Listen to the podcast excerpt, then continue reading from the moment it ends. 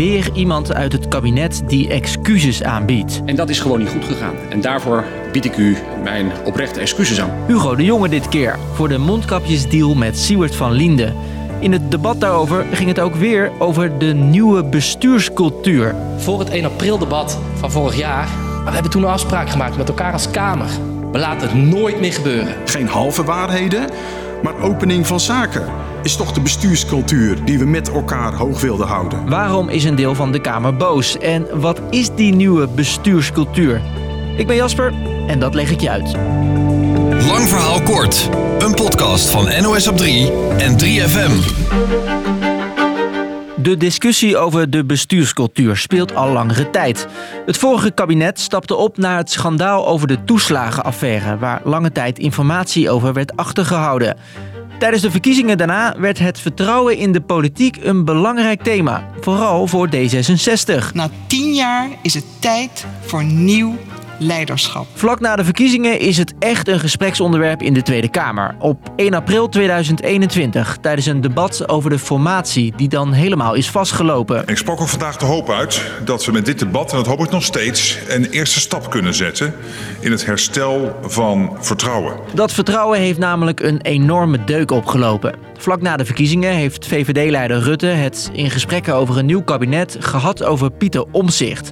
Die was als Kamerlid altijd heel kritisch op het kabinet, waar zijn eigen partij, het CDA, deel van uitmaakte. Rutte ontkent dat eerst nog, maar later moet hij toch toegeven. Neem niet weg dat waar ik tegen journalisten had gezegd: ik heb Omtzigt niet genoemd, ik hem wel genoemd heb. En dat is dus fout. Rutte belooft dat er echt iets gaat veranderen aan het achterhouden van informatie en over hoe het kabinet met Kamerleden omgaat. En die belofte herhaalt hij een paar dagen na het debat. Vraagstukken rond macht uh, en tegenmacht. Vraagstukken rond uh, bestuurscultuur. En als het om dat soort dingen gaat, daar heb ik zelf radicale ideeën over, die ik ook zal inbrengen in die formatie. Hij zegt dat er met een nieuw kabinet veel gaat veranderen. Met een andere uitstraling, een ander elan, meer elan, denk ik echt.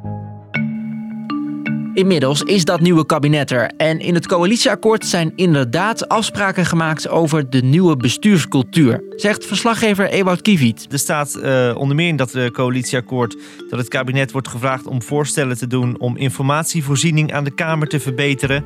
Nou ja, dat is heel algemeen. Maar er zijn ook twee concrete plannen in de richting naar zo'n nieuwe bestuurscultuur. Het eerste, niet alles in achterkamertjes regelen. Ja, het, het gaat over het actiever informeren van uh, de Tweede Kamer. Opener zijn, transparanter zijn. Uh, dus dat er meer informatie naar die Kamer wordt gestuurd. En het tweede plan, meer afstand tussen kabinet en de Kamer. Dus is het weer mogelijk om die werelden meer te scheiden dan op dit moment? Dualisme heet dat. Betekent dat Kamerleden van regeringspartijen ook kritisch moeten kunnen zijn op kabinetsleden. Dat uh, nou, de hele Kamer dat kabinet controleert en niet alleen maar de oppositie. Om dat te bereiken heeft dit nieuwe kabinet al een kleine stap gezet. Het coalitieoverleg is afgeschaft. Het was al op maandag. Dus dat de top van het kabinet uh, zat samen met de top van de coalitiepartijen. En die ja, maakt eigenlijk alle besluiten voor die week al. Dat is niet meer. Maar ja, waarschijnlijk bellen ze elkaar nog wel geregeld. Dus uh, er zijn wel wat dingen veranderd, maar het is allemaal nog niet heel concreet. Eén jaar na het debat over Pieter Omzicht gaat het in de Tweede Kamer dus nog steeds over de bestuurscultuur. We praten hier vandaag niet over een incident, maar over een schadelijk patroon. We moeten als parlement afrekenen met een verziekte bestuurscultuur. Volgens oppositiepartijen komt er nog steeds weinig van terecht. De verdediging van Hugo de Jonge deed volgens Ewoud heel erg denken aan de manier waarop Rutte een jaar geleden in de Kamer stond. Hij zei bijvoorbeeld: Ik had betrokkenheid, maar was niet betrokken. Ook zei de jongen bijvoorbeeld dat hij geen herinneringen had aan bepaalde dingen. Nou, dat is precies wat Rutte altijd zegt als hij het moeilijk heeft uh, en eigenlijk niet zoveel wil zeggen over iets. Ewoud denkt dat het voorlopig nog wel over die bestuurscultuur blijft gaan. Ja, een cultuur dat verander je niet zo snel. Hè? Uh, bijvoorbeeld premier Rutte zit er al tien jaar. Nou, die verandert zichzelf ook niet uh, in een paar dagen. Dus ik denk dat dit wel terug blijft komen. Ook het komende jaar. Uh, dus dat we het gesprek misschien nog wel een keer hebben. Dus, lang verhaal kort. Na de toeslagenaffaire en het debat over Pieter Omzicht zeiden alle partijen: dit mag niet meer gebeuren. Het kabinet moet meer openheid geven en de Tweede Kamer moet meer ruimte krijgen om kritisch te zijn.